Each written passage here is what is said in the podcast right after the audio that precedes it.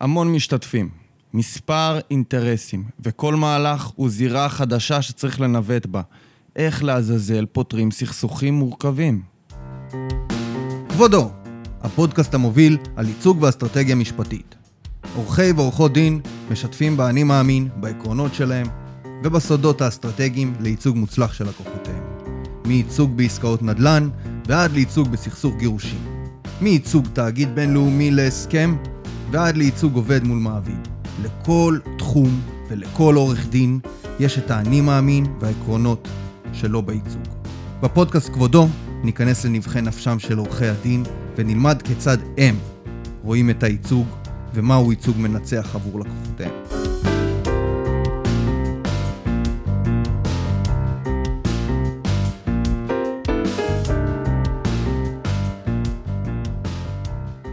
אבל קודם לפינה הקבועה שלנו, חידוד רטורי.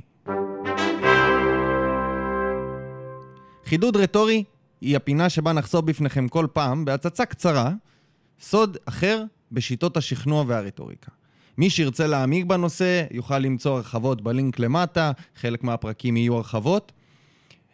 היום אנחנו נדבר על הנחות במבנה הטיעון. אריסטו לימד את האנושות את שיטת הטיעון הלוגית.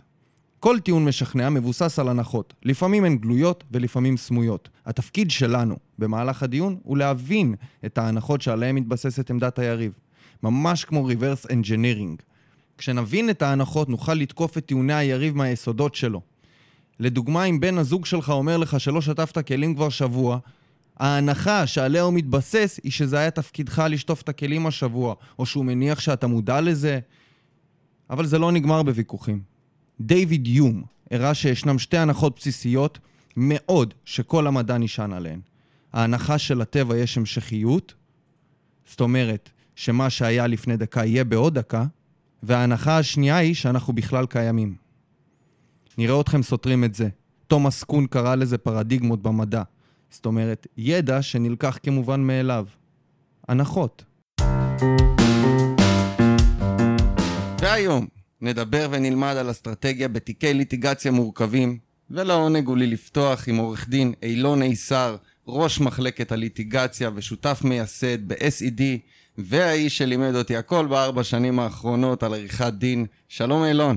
שלום אילן, כיף גדול להיות כאן, ואני באמת מאוד שמח uh, להיות כאן בפודקאסט הזה. אני חושב שזה רעיון מצוין, שנותן מענה לדבר שאין היום בעולם המשפט, ואני אאחל לך המון בהצלחה. שיהיה לנו ברכה, תודה רבה. אילון, מה ההבדל, למען השם, בין סכסוך רגיל לסכסוך מורכב? שאלה טובה. ואני לא חושב שיש איפשהו, אה, אפשר לשים את האצבע ולהגיד סכסוך כזה הוא סכסוך אה, רגיל או סכסוך מורכב. יש את המשפט הידוע שדין פרוטה הוא דין מאה, והרבה פעמים מה שבעבור אדם מסוים הוא אה, מורכב, בעבור אחר הוא רגיל, ולהפך.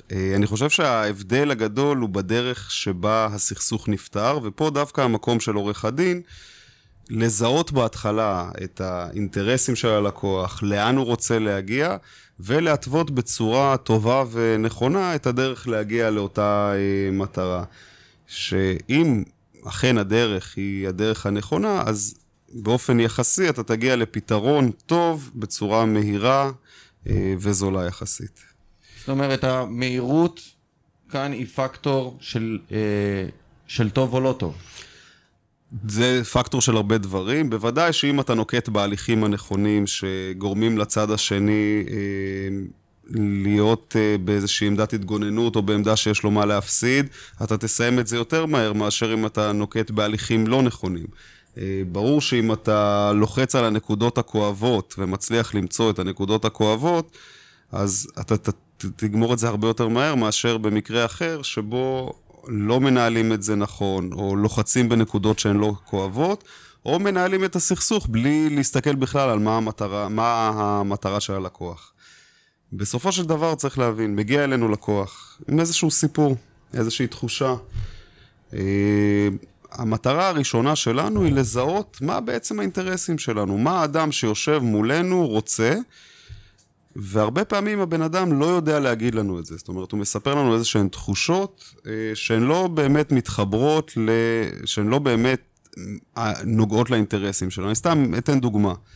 לפני הרבה שנים פנה אליי חבר וסיפר לי שמכר שלו הסתבך עם עורך דין ורוצה להגיש תביעת רשלנות נגד עורך דין. אני באופן אישי לא אוהב תביעות נגד, לא אוהב לייצג בהליכים נגד עורכי דין, אבל לשמוע ולקבל את הבן אדם, אה, אה, שמעתי וקיבלתי, והוא מגיע ומספר לי שיש לו איזשהו קרקע, סכסוך על קרקע, הוא לקח עורך דין שלקח ממנו הרבה מאוד כספים במשך שלוש או ארבע שנים ולמעשה לא עשה כלום, והוא רוצה לתבוע את עורך הדין. אמרתי, רק שנייה, לפני שאנחנו הולכים ותובעים את עורך הדין ברשלנות או משהו כזה, בואו ננסה להילחם על הקרקע, יצאנו למלחמה על הקרקע, אה, ואנחנו אה, הגענו בסופו של דבר, כיוון שהמלחמה הזו גם נוהלה נכון מול אה, אותו גורם שהחזיק בקרקע, אז הגענו לפשרה שהלקוח קיבל את הקרקע עצמה. זאת אומרת, שבא אליי, האינטרס של הלקוח בהתחלה היה לקבל את הקרקע. התסכול והכעס שלו על עורך הדין, בסוגריים המוצדקים, גרמו לו לכוון את האש לעבר עורך הדין. ואז, אה, ואם היינו הולכים באמת על איזושהי תביעת רשלנות, היא הייתה נדחית, כיוון שעורך הדין היה אומר, אדוני, יכולת לפעול מול, כדי לקבל את הקרקע. אה, ברגע שהלכנו על הדבר עצמו, על הקרקע עצמה, הלקוח קיבל את מה שהוא רצה, זה בעצם היה האינטרס שלו, ומאבק שהיה הופך להיות מאבק אה, עקר, מאבק סרק, כי ככל הנראה תביעת הרשלנות הייתה נדחית, הפך למאבק שהלקוח קיבל את מה שהוא רוצה. כאילו לא תמיד מה שהלקוח אומר לך שהוא רוצה, זה מה שהתוצאה הרצויה באמת. הלקוח, א', הלקוח תמיד צודק. אבל הראייה שלו הרבה פעמים היא ראייה אמוציונלית. זאת אומרת, נכון. אם אנחנו, הוא מגיע באיזשהו כעס רב מאוד על, על משהו, שבעולם רציונלי, אה, הוא לא בהכרח נכון. זאת אומרת, יכול להגיע אדם ולהגיד, אני מרגיש שבעסקה מסוימת דפקו אותי, כי השחקי, לדוגמה, אני מכרתי את הדירה והשכן שלידי מכר את הדירה אה, באמצעות אותה, אותו מתווך ב-20 אלף שקלים יותר, המתווך רימה אותי, אני רוצה לתבוע אותו. וכשאתה נכנס קצת יותר לעומקם של דברים, אתה מבין שלא תמיד זה המצב, הוא לא כל כך נדפק, כי חוץ, כי חוץ ממנו יש שכן שמכר ב-50 אלף שקל פחות. אז הדברים לא כל כך גרועים, ולפעמים אנחנו צריכים לעשות איזשהו, אה, איזושהי אה, אה, קריאת מציאות אה, ולהבין בעצם מה הדברים. עכשיו, כשאנחנו מדברים על האינטרס של הלקוח, אנחנו באים מעולמות הליטיגציה האזרחית, מסחרית, בסופו של דבר זה כסף, שווה כסף, נכסים וכן הלאה, בסופו של דבר זה העניין. וכשאנחנו מסתכלים על האינטרס של הלקוח, חשוב להבין שהאינטרס שלו הוא בסופו של דבר להישאר עם כמה שיותר בכיסו. ובכלל זה גם לשקלל, נגיד, את העלויות של ההליך המשפטי. אם אדם מרגיש שנגרם לו אה, עוול מאוד גדול, אבל הנזק הכספי שלו הוא בערך 5,000 שקל, זה השלב של עורך הדין לבוא ולהגיד ללקוח, אדוני, בוא תחשוב עוד הפעם האם אתה רוצה, כי אני בטוח יעלה יותר, עוגמת הנפש והזמן בוודאי יעלו יותר. אה, אז אני חושב שהזיהוי הנכון של האינטרסים הוא גם קריטי כדי לבחור את המהלכים המשפטיים הנכונים. זאת אומרת, אנחנו, וזה חלק מהעניין של האינטרסים. זאת אומרת, אנחנו נרצה לנקוט בהליכים הכי יעילים שיש, ההליכים שיביאו אותנו לתוצאה, לתוצאה הזו בצורה הכי אה, טובה ונכונה שיש, וכאשר אנחנו בוחרים, וכאשר אנחנו בוחרים את, האינט... את ההליכים הנכונים שתואמים את האינטרסים, אז גם אפשר להגיע לתוצאות אה, טובות יחסית אה, בצורה מהירה. הרי בסופו של דבר, אין שאלה מה מורכב ומה לא מורכב. אפשר לנהל תיק על עשרת אלפים שקלים שהוא כולל פריטים ודברים, ב, כאילו זה תיק של אה, אה, שלושה מיליון שקל, ואפשר גם לנהל תיק של מאה מיליון שקל, שהסוגיות העובדתיות והמשפטיות הן יחסית פשוטות ופשוט המספר משתנה, זה, זה הכל. כמובן שכשאנחנו מדברים על סכסוכים מורכבים ועתירי ממון, אז גם המשאבים שהצדדים ישקיעו בהליכים, נגיד במומחים, בחקירות, בעורכי דין, בגיוס של עדים כאלה ואחרים, הם הרבה יותר גדולים, וזה חלק אה, אינהרנטי בהבנה של מה קורה כאשר נכנסים לסכסוך מורכב, כמה שימוש בתקשורת וכיד הדמיון הטובה עלינו. אז בעצם אני יכול להגדיר בשביל המאזינים שלנו, שכשבא אליך בן אדם עם איזושהי סוגיה, סטפ 1 יהיה זיהוי האינטרס? חד משמעית. להבין מה האינטרס של הבן אדם שעומד מולי, מה הנקודות שחשובות לו, וזיהוי האינטרס הוא קריטי בכמה רמות. כמו שאמרתי קודם, בבחירת ההליכים הנכונים, זאת אומרת, אה, וההליכים שמתאימים, שיביאו אותו לאינטרס הזה. דבר שני, אה, שמעתי לאחרונה שעשו סטטיסטיקה שמבין התביעות האזרחיות שמוגשות לבית המשפט, רק 8% מסתיימות בפסק דין, כל השאר מסתיימות בדרך אחרת, פשרה זו או אחרת. הנושא הזה של זיהוי האינטרסים הוא מאוד חשוב גם לשלב של משא ומתן ושיח לגבי פשרה. כשאני יודע מה קריטי ללקוח שלי, כשאני הבנתי בהתחלה מה קריטי ללקוח שלי, אני יכול להוביל את המהלך, את המאבק הזה, אה, לכיוון שהוא רוצה. וכאשר אנחנו נעשה את הנושא שנגיע למצב של פשרה, אז אנחנו נדע שהפשרה תהיה תואמת את האינטרסים של הלקוח. לדוגמה, אם לקוח אומר, חייבים לי עכשיו 100 אלף שקל, אה, ואני יודע שניהול ההליכים עד הסוף יעלה סכום כזה וכזה, אז אתה יכול להגיע עם הלקוח לתוצאה שהיא תוצאה הגיונית מבחינה כלכלית, לחסוך למשל את הוצאות ניהול ההליך, להפחית מעט מסכום החוב, ובסופו של דבר הלקוח יוצא עם אותו... אה, יוצא, נשאר בכיסו עם אותו, עם אותו סכום. בזיהוי האינטרסים יש עוד דבר מאוד חשוב, וכמה שעושים את זה יותר מוקדם ובאמת מזהים בצורה נכונה את האינטרסים של הלקוח, יש עוד אה, נדבך מאוד חשוב, וזה התאמה בין הציפייה למציאות. זאת אומרת, מגיע אדם עם איזושהי ציפייה מאוד גדולה, אה, ואנחנו הרבה פעמים צריכים לשקף לו את המציאות, כי בסופו של דבר תפקידנו כעורכי דין זה לתרגם את הצורך של הלקוח להליך משפטי אה, רלוונטי. וברגע שמלכתחילה אתה מגדיר ללקוח את המציאות, את מה ריאלי ומה לא ריאלי, יציא, היציאה לדרך היא הרבה יותר נכונה והדרך היא הרבה, הרבה יותר נכונה. זאת אומרת, לקוח שבא ואומר, הצד השני חייב לי כסף, ואני אקבל אותו ולא משנה מה יהיה, ומתעלם למשל מזה שיש עלויות להליך משפטי, מתעלם מזה שצריך להביא עדים כדי להוכיח את החוב, מתעלם מזה שיש עניין של שיקולי גבייה, הרבה פעמים התוצאה הסופית תהיה אה, תוצאה לא טובה, תהיה תוצאה של חוסר שביעות רצון של הלקוח, ואז אנחנו עלולים לעשות עבודה טובה ולהפסיד לקוח. אני, אני אומר, אנחנו פה בפודקאסט שאמור להגיע למייצגים ולאוזנם, עדיף שחוסר הנעימות יהיה בשלב הראשון, בשלב השיחה הראשונית, בשלב השיחה השנייה, שבו אתה אומר ללקוח, אדוני, הציפייה שלך היא לא ריאלית, או כדי שהיא תתממש צריך להיות, צריכים לקרות הרבה דברים שאנחנו, שלא נמצאים בשליטתנו, מאשר שהאכזבה הזאת תהיה בסופו של, הדר, בסופו של דבר, אחרי שיש פסק דין, או המקרה הכי גרוע של, בעיניי, שלקוח דוחה הצעת פשרה טובה, ולא מקבל את המלצת בית המשפט, את המלצה או של בית המשפט, או שלך כעורך הדין שלו, כי יש לו איזה שהן אה, ציפיות אחרות. אה, ובסופו של דבר נתקל בפסק דין איום ונורא. אה, מאוד חשוב שהלקוח יבין איפה הוא נמצא בסיפור הזה, איפה הוא, איפה הוא עומד בעניין, מה יצריך ממנו להגיע עד סוף ההליך. ובסופו של דבר שתהיה ללקוח את הבחירה באמת הידועה והטובה על בסיס כל, הנת... בסיס כל החומר וכל הנתונים. אגב, אני ראיתי שבימים האחרונים הוגשה תביעה נגד אדם שהוגש נגדו כתב אישום על הריגה ברשלנות, בפזיזות, אה, תוך כדי תאונת דרכים. והוא הגיש תביעה נגד עורך הדין הפלילי שלו, בטען, בדיוק זאת הייתה הטענה, שעורך הדין הציג לו איזושהי...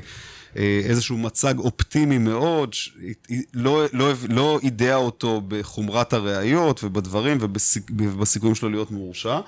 ולכן הוא בחר קו הגנה, אותו נאשם בחר קו הגנה מוטעה, בלי להיות מודע לסיכונים. אסטרטגיה מלכתחילה הייתה שגויה. והטענה של אותו, אותו אה, נאשם שהורשע, שאם עורך הדין היה מסביר לו את הסיכונים בתחילת הדרך, הוא היה חותר להסדר טיעון, לא היה מקבל את העונש החמור אה, שהוא קיבל.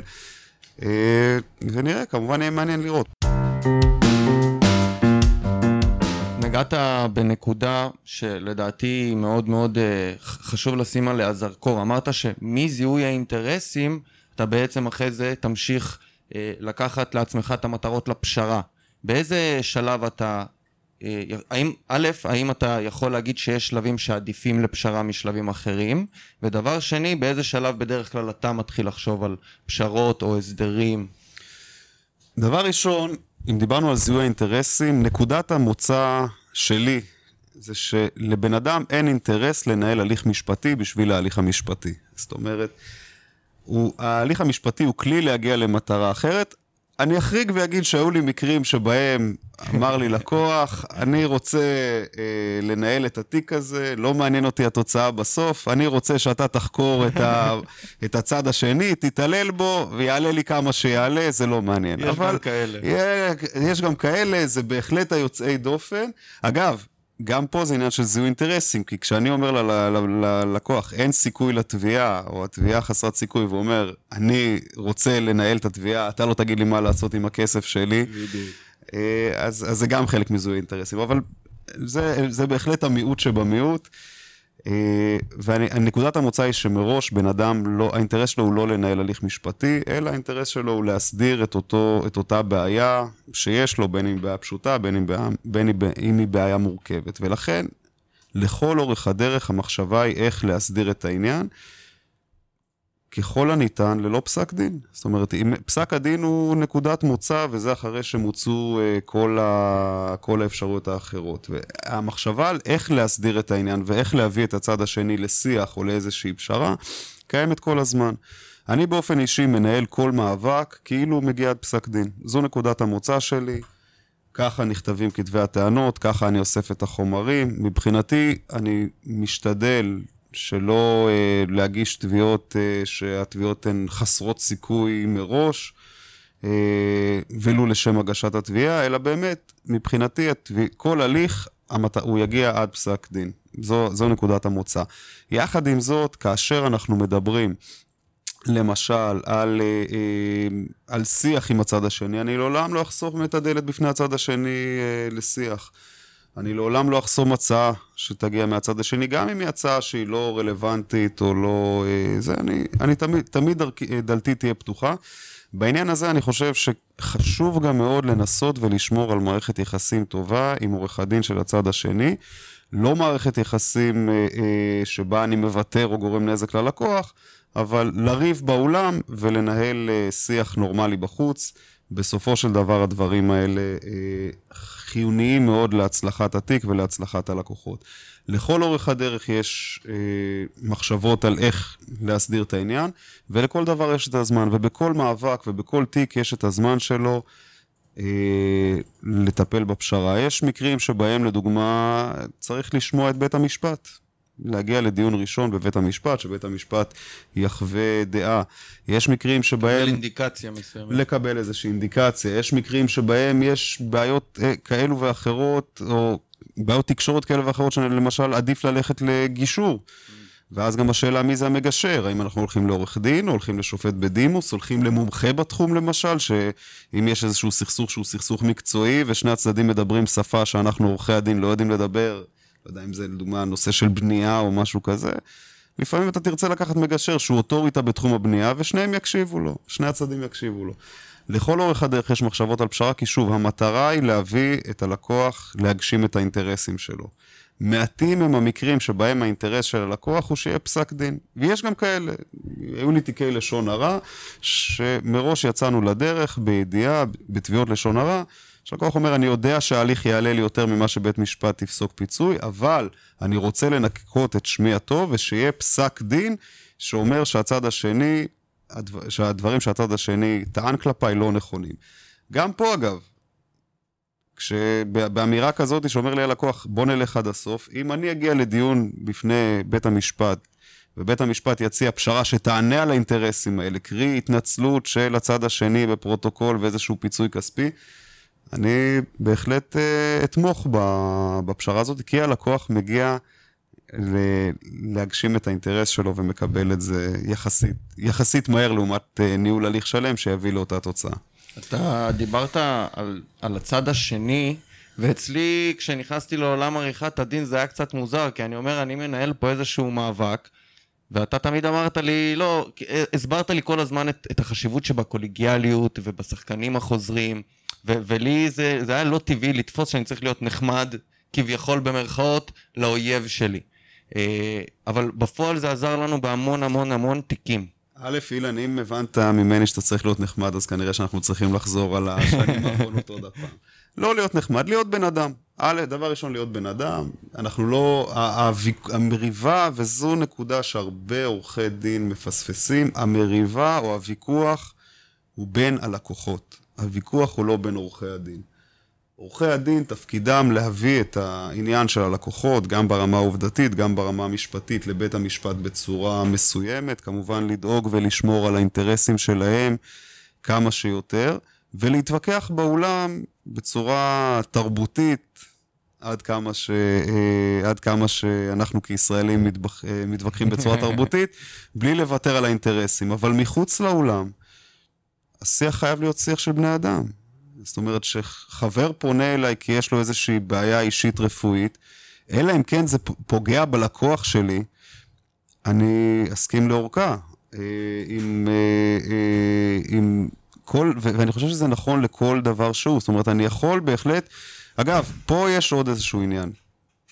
אני יכול עם עורכי דין, שאנחנו אפילו בקשרים חברתיים טובים, להגיע להסכמה שאנחנו לא מסכימים על דבר מסוים. זה בסדר, זה גם חלק, מאותה, זה גם חלק מאותה התנהלות חברית, אבל זה מאפשר הרבה פעמים לאפשר, זה מאפשר, בסופו של דבר זה פועל לטובת הלקוח.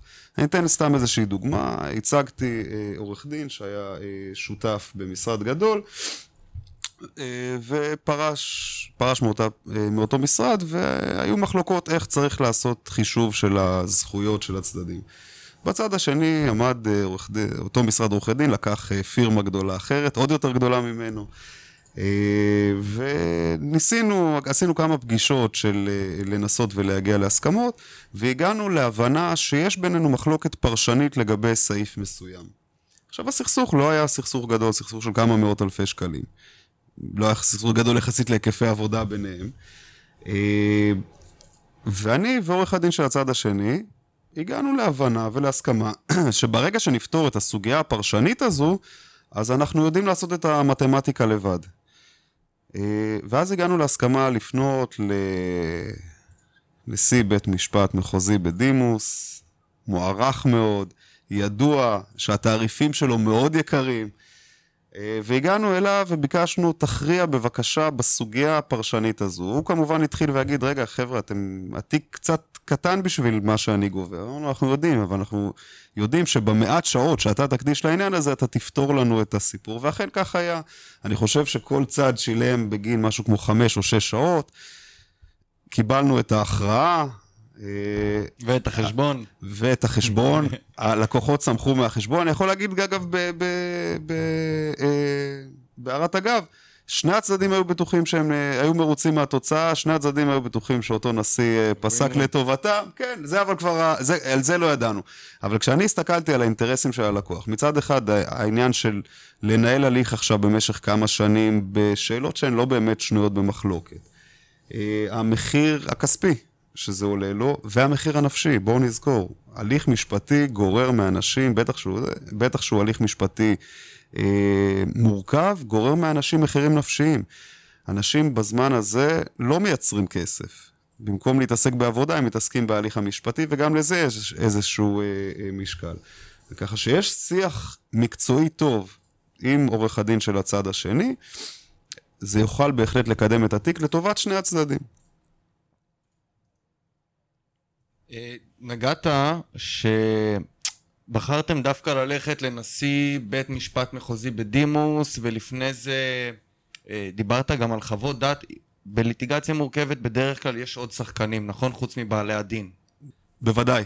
בתיקי ליטיגציה מורכבת יש עוד שחקנים. אה, דבר ראשון, ככל שהתיק יותר משמעותי לבן אדם או לחברה, אז יש את הסביבה התומכת שעוטפת אותו.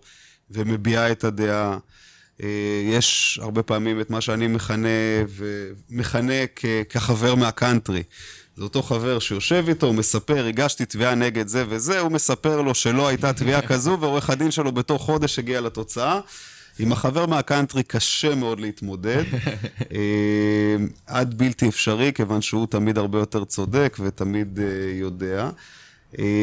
חשוב מאוד להבין מי זה השחקנים, מי זה הסביבה התומכת של הלקוח, ואם יש אנשים שמעורבים איתו בתהליך קבלת ההחלטות, אה, בת זוג, חבר טוב.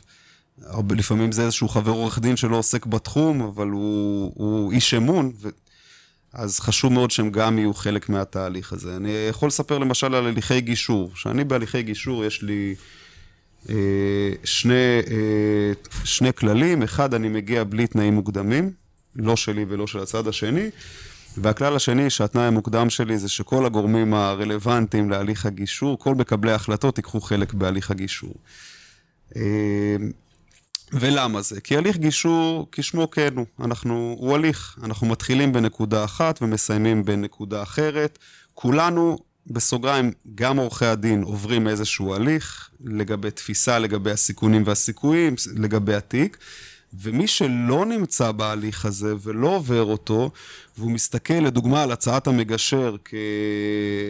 בלי להבין מה, מה הרקע שעמד, אז הוא חושב שזה איזושהי נקודת פתיחה במשא ומתן. אחת הטראומות הגדולות שלי היו אה, לפני שנים רבות, אה, פנה אליי אדם שטען שיש אה, לו זכויות באיזושהי חברה, הציג גם את המסמכים שמראים שיש לו את הזכויות בחברה הזו, אה, הוצאנו כמה, שלחנו מכתב, קיבלנו מכתב תשובה ושוחחתי אה, עם עורך הדין של הצד השני והגענו להסכמה לפנות להליך גישור, אפרופו הקשר אה, בין עורכי הדין. זאת אומרת, עורך הדין של הצד השני אמר, תראו, לא מגיע לכם כלום, הטענות של הלקוח שלך הן טענות סרק, אבל כיוון שכן יש ביניהם איזושהי היכרות של, היכרות קצרה של 20 או 30 שנה, אז בואו נלך להליך גישור וננסה לראות איך פותרים את העניין. אה, הגענו להליך גישור אצל אחד המגשרים הטובים אה, שיש במדינת ישראל. ניהלנו את ההליך שכלל כמה פגישות, ובסופו של דבר הגענו להצעת פשרה של סכום של אה, שבע ספרות. אני כמובן מאוד שמחתי, כי האחוזי הצלחה שלנו מהסיפור הזה היו אמורים להיות מאוד גבוהים, ולפתע פתאום מודיע הלקוח שיש לו חבר שמייעץ לו, ובמקרה החבר נמצא מתחת לבניין המשרדים של המגשר, עולה החבר, רואה את הצעת הפשרה ואומר, תגידו, אתם עושים צחוק? בבית משפט הוא יקבל קל פי 4-5 מזה, על מה אתם מדברים? בדיחה. והתפוצץ לנו הגישור. אה, לימים, אה, מה שקרה זה ש... אותו חבר, אותו יועץ, פנה ל, ל, לאותו בחור שניהלנו איתו את הליך הגישור עם הצד השני, וסגרו בסכום של בערך חצי, חצי ממה שהייתה צריכה להיות הפשרה, הצעת הפשרה. כך סוכלה לפשרה טובה, כך אני הפסדתי שכר טרחה משמעותי מאוד, אה, ונעשה שירות ללקוח. על ידי החבר מהקאנטרי בעצם. בדיוק, החבר מהקאנטרי, וזה קורה הרבה מאוד, יש הרבה מאוד מקרים כאלה. אני יכול לספר על תיק תביעה שהגשנו אה, נגד אה, בנק, אה, שתוך כדי הדרך גילינו שהלקוח שכח לספר לנו פרטים אה, בתחילת הדרך, אה, פרטים מהסוג ששומט את הקרקע תחת תביעתו. רק למזלו, במקביל היינו בהליך גישור, וקיבלנו שם הצעה לא רעה. של, ב, בוא נגיד, אה, עם ה, של בערך 30 או 40 אחוז מסכום הנזק אה, שנטען. אה, ואני באתי ללקוח, אמרתי, אתה חייב לקבל את הצעת הפשרה הזו, אה, כי אני יודע מה יש בתיק, ואם אתה תמשיך לנהל את התיק, אה, סיכוייך לא טובים בלשון המעטה. אה, אותו אה, לקוח אה, סיפר את זה לחבר שלו, שסיפר לו על עורך דין אחר מצוין. שיודע לקרוא לבנקים את הצורה, אה, ואחרי שהלקוח, אה, שהיה בינינו קשר אישי טוב מאוד, וזה באמת ובתמים היה קשר אישי טוב מאוד, הסביר לי שבלב כבד הוא נאלץ להעביר את זה לעורך הדין האחר שאמר שהוא יודע להוציא יותר, אז אה, הוא באמת פנה לאותו עורך דין, שכר את שירותיו, עורך הדין החליף אותי, גבה ממנו סכום גבוה מאוד. ואחרי שנתיים של ניהול הליכים נוספים, אה, קיבל, הלקוח קיבל את אותה הצעת פשרה בדיוק שהייתה כבר אז מהבנק, הבנק הבהיר שהוא לא מתכוון לשנות את הצעת הפשרה, אה, ונאלץ לקבל אותה. אה, לימים הלקוח שאל אותי אם אני מוכן להגיש תביעת רשלנות נגד אותו עורך דין שהוליך אותו שולל, אני כמובן ויתרתי, ויתרתי על העונג בעניין הזה. אבל כן, בהחלט, החבר מהקאנטרי, גורמי התמיכה, אם אנחנו מדברים על ייצוג של תאגידים, אז מקבלי ההחלטות בתאגיד, בעלי המניות, המנהלים, אלה גורמים מאוד משפיעים בהליך המשפטי. אם אנחנו מדברים לדוגמה על תאגידים, אז אחד הדברים, כשתאגיד יוצא למאבק מול צד, יכול אדם להתחיל לפנות לכל מיני עובדים שפחות מעורבים בדברים, לקבל מהם גרסאות, לקבל מהם עדויות, ולכן חשוב שהשורות תהיינה מאוד מאוד מהודקות, גם בגורמים המעורבים בתיק וגם בקבוצות התמיכה שיש בתיק הזה. אם אני לוקח, אגב, עוד גורם שהוא לא חלק מהצדדים, זה הפן התקשורתי. המון תיקים יש שאלה לגבי שימוש בתקשורת. זאת אומרת, אני רואה אה, אנשים משתמשים בתקשורת בצורה הרבה פעמים מאוד מאוד לא חכמה. אני יכול לספר שאחד התיקים הגדולים שאנחנו ניהלנו במשרד, הוא היה תיק שאנחנו נלחמנו מלחמה עיקשת שהוא לא יפורסם בתקשורת. למרות, למרות ש... בוא נגיד, זה היה תיק שהיה היה לי כיף מאוד שאני אהיה מזוהה עם תיק מהסוג הזה, וזאת מתוך ידיעה שאם זה יהיה, שאחד המנופי לחץ הגדולים שלנו כדי להסדיר את העניין עבור הלקוח של המשרד שלנו, הוא שהסיפור לא יתפרסם ואנחנו נהיה היחידים שתובעים באותו עניין.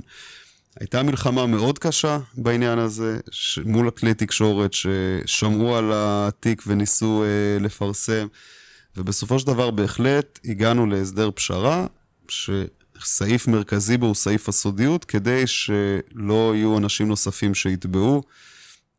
אה, באותה, באותה עילה בעניין הזה. זה חשוב, כי אני חושב שדווקא עורכי דין אה, שמתחילים רואים בתקשורת כמשהו חזק ממה שזה, הוא משפיע יותר ממה שזה, וזה יכול להיות, זה חרב פפיות, זה לגמרי יכול ללכת גם נגד. בהחלט, בהחלט. אה, אני יכול לספר שיש גם תיקים שבהם פרסום תקשורתי, שאתה אומר, אוקיי, לא ייגרם לי נזק ואני רוצה להביא את זה לידיעת הציבור, גורם לצד השני לנהוג בצורה מאוד מאוד אמוציונלית ביחס לתיק, ולהגיד, אוקיי, פרסמתם בתקשורת שאני כזה וכזה, אז עכשיו בואו ננהל את ההליך עד הסוף, לא נגיע לשום פשרה כדי שבית המשפט יקבע שאני לא כזה. זה, פרסום בתקשורת יכול להיות חרב פיפיות, יכול להיות גם דבר מאוד חיובי. פה מאוד חשוב, עוד הפעם, להבין מה האינטרס של הלקוח, ולא מה האינטרס של עורך הדין. הפרסומים שלנו כעורכי דין צריכים להיות כאלה שהם טובים ללקוחות שלנו, או לכל הפחות לא מזיקים להם. זאת אומרת, אם הלקוח אדיש במרכאות לשאלה אם יפורסם או לא יפורסם הסיפור, אז אפשר לפרסם, אבל במקום שיש חשש שהפרסום יזיק, כי לדוגמה, אה, לדוגמה היו, פתאום על חברה אחת שאני תובע, היו, יקפצו אה, תובעים רבים והיא תגיע לפירוק והלקוח שלי לא יקבל את הכסף שלו. אם החשיפה תביא לתביעות נוספות נגדה מאותו סוג, אם החשיפה תגרום לצד השני להתבצר בעמדתו ולהמשיך לנהל את מלחמת החורמה, זה יכול להיות רע. מקרה אחר שאני יכול לספר שדווקא היינו בצד השני, זאת אומרת, הצד, ה, ה, במקרה שם התובע לקח את זה לתקשורת, והתראיין באריכות אה, אודות הפרשה. גילינו, ב, כאשר הוא הגיע לחקירה הנגדית, אימתנו אותו עם הדברים שהוא מסר ברעיון, אה, ו, אה, וככה שזה דווקא עבד לנו לטובה, ולכן צריך, השימוש בתקשורת הוא כלי, והתקשורת היא כלי לצורך ניהול ההליך וניהול המאבק המשפטי. לא פעם גם אי שימוש בתקשורת, או הימנעות משימוש, או דחיית השימוש בתקשורת לשלב מאוחר יותר הוא גם כן כלי, וכלי חשוב. לסיום, אנחנו עכשיו, אה, כמו שאמרת, ערב כניסת התקנות החדשות של סדרי הדין, אולי, אולי, ואולי לא, אה, ורציתי לדעת איך האסטרטגיה שלך היא תשתנה בעקבות זה, האם כבר עכשיו יש דברים שאתה אסטרטגית חושב עליהם בתיקים בגלל השינוי בטקסדה? אני לא חושב שהתקנות משנות את האסטרטגיה. כשאדם מגיע לצורך ניהול מאבק, אז התביעה היא אחד הכלים להגיע אליה. אה, התביעה היא כלי. היא לא המטרה. אה, זאת אומרת, אני, כשאני בוחר אסטרטגית, זה לדוגמה מגיע איזשהו סכסוך של בעלי מניות, אז האם אני מגיש אה, תביעה, אה, בקשה לאישור תובענה נגזרת, או תביעת קיפוח, או תביעה לקבלת מסמכים, או שאני בוחר את הדברים, זו האסטרטגיה. אני כן חושב, אגב, שתקנות סדר הדין האזרחי, ויכול מאוד להיות שהדברים שאני אומר בעוד שנה יתבררו כשטות מוחלטת, אנחנו נהיה יותר חכמים בעוד שנה או שנתיים. אה, אני חושב שכן תקנות סדר הדין האזרחי אה, ייצרו יותר ודאות בהליך. זאת אומרת, ההליך, ההליך המשפטי יהפך להיות יותר ודאי מבחינת הסדר שלו. היום הוא מאוד פלואידי. היום מוגשת תביעה, מוגשת הגנה, כתב תשובה, מוגשות בקשות מקדמיות, הרבה פעמים גם אחרי שמוגשים תצהירים. אה, הרבה מהבקשות לא נידונות או לא נידונות בזמן והופכות ללא רלוונטיות. אנחנו מגיעים לסיטואציה שבקשות שיכולות להיות אה, נידון ולהיות מוכרעות, אה, ממתינות חודשים ארוכים לדיון ומתעכבות סתם. אני חושב שההליך המובנה שנבנה בתקנות החדשות הוא הליך שהוא יסייע ליעילות יותר גדולה של ההליכים המשפטיים. אה, אנחנו ניכנס לאיזושהי פורמה מאוד ברורה, למשל איך כותבים כתבי טענות, מה ההיקפים שלהם ומה צריך לכתוב, ואנחנו, ויפסיק הנושא הזה של כתבי תביעה של עשרות עמודים, שגוררים כתבי הגנה של עשרות עמודים. אה, הנושא יהיה הרבה יותר מובנה, יהיה הרבה יותר ברור. ברמה האישית שלנו, שלי כעורך דין ושלנו כמשרד, אני לא רואה את השינוי המהותי מבחינת האסטרטגיה. זאת אומרת, בדיקת האינטרסים תיעשה בכל מקרה בשלב הראשון, איסוף כל החומר והניסיון להגיע לחקר האמת שאנחנו עושים לפני שאנחנו ניגשים להליך, ימשיך גם היום. זה יצריך אולי יותר חשיבה, אה, יותר, פחות מקום לאלתורים אה, אה, במהלך הדרך. אבל פחות או יותר אני חושב שאלה, לא, יהיו, לא יהיה שינוי אסטרטגי. אני אגב אגיד שבמידה מסוימת התקנות האלה הן, הן איזשהו ציון נכשל לעורכי הדין. כי במקום שבו לא צריך, במקום שבו אה, הכללים נאכפים, לא צריך כללים. סתם אתן דוגמה. בבתי המשפט בארצות הברית, לפחות בחלק, במרבית הערכאות, אין כללי לבוש. אין כללי לבוש. וואלה. עורכי הדין מגיעים בחליפ, במיטב חליפותיהם הצבעוניות, המכובדות, ואין כללי לבוש. בישראל יש כללי לבוש, כי אחרת עורכי דין לא היו מגיעים בחליפה ועניבה, וגם עם הכללים האלה, זה, גם, גם שיש את הכללים, לא תמיד הם נאכפים.